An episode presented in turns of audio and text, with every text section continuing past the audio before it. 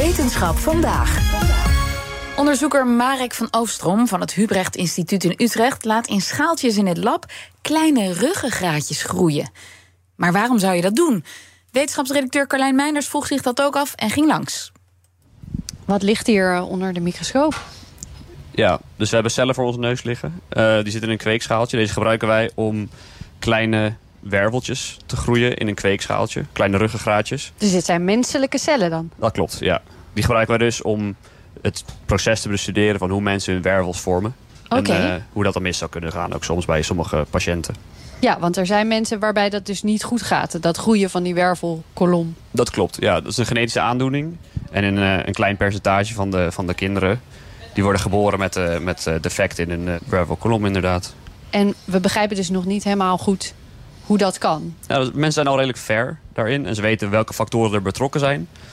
Um, maar we proberen ook het proces te begrijpen in het algemeen. Dus we proberen patiënten te begrijpen wat er misgaat... maar we proberen ook het, pro het hele proces ja, in kaart te brengen eigenlijk. Ja. In de wetenschap, ja. Wanneer gebeurt dit zo'n beetje? Um, Tijdens de ontwikkeling van zo'n embryo? Ja, bij mensen is dat redelijk vroeg tijdens de zwangerschap. Ik pin me er niet op vast, maar ik zou zeggen ergens rond dag 20. Oké. Okay, tot en met dag 30 van de, van de zwangerschap. Dat proces van de, van de formatie van de wervelkolom duurt een aantal, ja, aantal dagen. Ja. Iedere wervel vormt om de beurt. Het duurt ongeveer vijf uur om een wervel te vormen. Oh, echt? Ja. En de eerste die vormt, die zit uh, bij de nek. En de laatste die vormt, die zit helemaal onderin uh, bij je stuitje. Ah, van boven naar beneden wordt die gemaakt. Precies. En iedere vijf uur eentje. Ja. We kijken ook naar muisembryo's. Het voordeel daarvan is, is dan kan je het proces bestuderen in de context van het hele embryo. In plaats van alleen maar de cellen in het schaaltje. Ja, want bij menselijke embryo's mag je, maar kun je ook nog niet uh, heel veel verder doorgroeien. En heb je alleen dus specifiek de cellen van, die, van dit proces erin zitten. Ja, precies. Zeg ik dat goed? Ja, zeker. Precies. Wat er gebeurt met de mensencellen is dat we ze in het schaaltje specifiek alleen maar een ruggraat laten vormen. Dus dat zijn ook de enige processen wat we dan kunnen bestuderen in, de, in, de, in dit geval. Ja, er komt niet een, een hartje bij of zo. Of nee, precies. Nee. En bij de, bij de muis kunnen we het proces bestuderen in de context van alle andere weefsels die er ook omheen liggen. Ja. Dus er zijn eigenlijk twee onderzoekslijnen binnen onze groep. Ja. En uh, ja, bij de muis gaat het heel erg vergelijkbaar. Alleen dan is het iets sneller. Iedere 2,5 uur vormt een, uh, een wervel. En een muis heeft ook een aantal meer wervels dan dat mensen hebben. Maar het proces is redelijk vergelijkbaar. Oké. Okay. En uh, nou zeg je, we zijn benieuwd hoe dat proces precies verloopt. Um, kijk je dan naar een specifiek onderdeel van dat geheel? Of kijk je naar alles? Ja, wij zijn specifiek geïnteresseerd in de timing. Dus waar, ja, hoe dat werkt en welke eiwitten erbij betrokken zijn en hoe ze dat doen. Dus we bekijken dit proces onder een microscoop en dan kunnen zijn er bepaalde labtechnieken om uh, bepaalde eiwitten te fluorescent te maken. En die kunnen we dan onder de microscoop kunnen we die eiwitten volgen en kijken hoe ze zich gedragen en hoe ze, hoe ze geactiveerd worden of niet.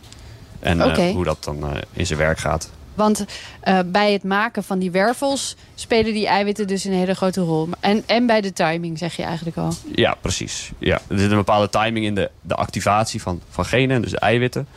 En die timing bepaalt dus wanneer er een wervel wordt gevormd. En die timing is dus tussen muizen en mens net anders. 2,5 of 5 uur. Als je er naar zou kijken, want je geeft het dus een kleurtje. Je geeft het die fluorescente kleur. En dan ga je kijken onder een microscoop wat gebeurt er. Wat Ja. zie je dan? Je ziet in feite, als je, in het geval van de, van de, de menselijke kleine ruggengraatjes in de Ja. kweek... zien we ehm, ja, een kleine een, een, een bal met cellen die eigenlijk elongeert. Eh, en waarbij er dus om de beurt een klein deel van die cellen een, een, een voorloperwervel vormt. Oh ja. En als we dan onder de microscoop naar die eiwitten kijken... dan kunnen we zien dat er dus elke moment dat elke keer als er zo'n wervel gevormd wordt... dan zien we een, een puls of een, een, een, ja, eigenlijk een, een, een golf van genactivatie. En dat eh, zie je in de, op, ja, door middel van fluorescentie onder de microscoop. Ja, ja, heel mooi om dat gewoon te zien gebeuren eigenlijk, lijkt me. Ja, fantastisch. Ja. Wat hopen jullie uiteindelijk hiermee te bereiken? Eh, er zijn twee grotere redenen voor het onderzoek. Aan de ene kant wil je gewoon begrijpen hoe processen werken. In de wetenschap willen mensen gewoon dingen uitzoeken en kijken hoe dingen om ons heen, hoe dat in elkaar zit.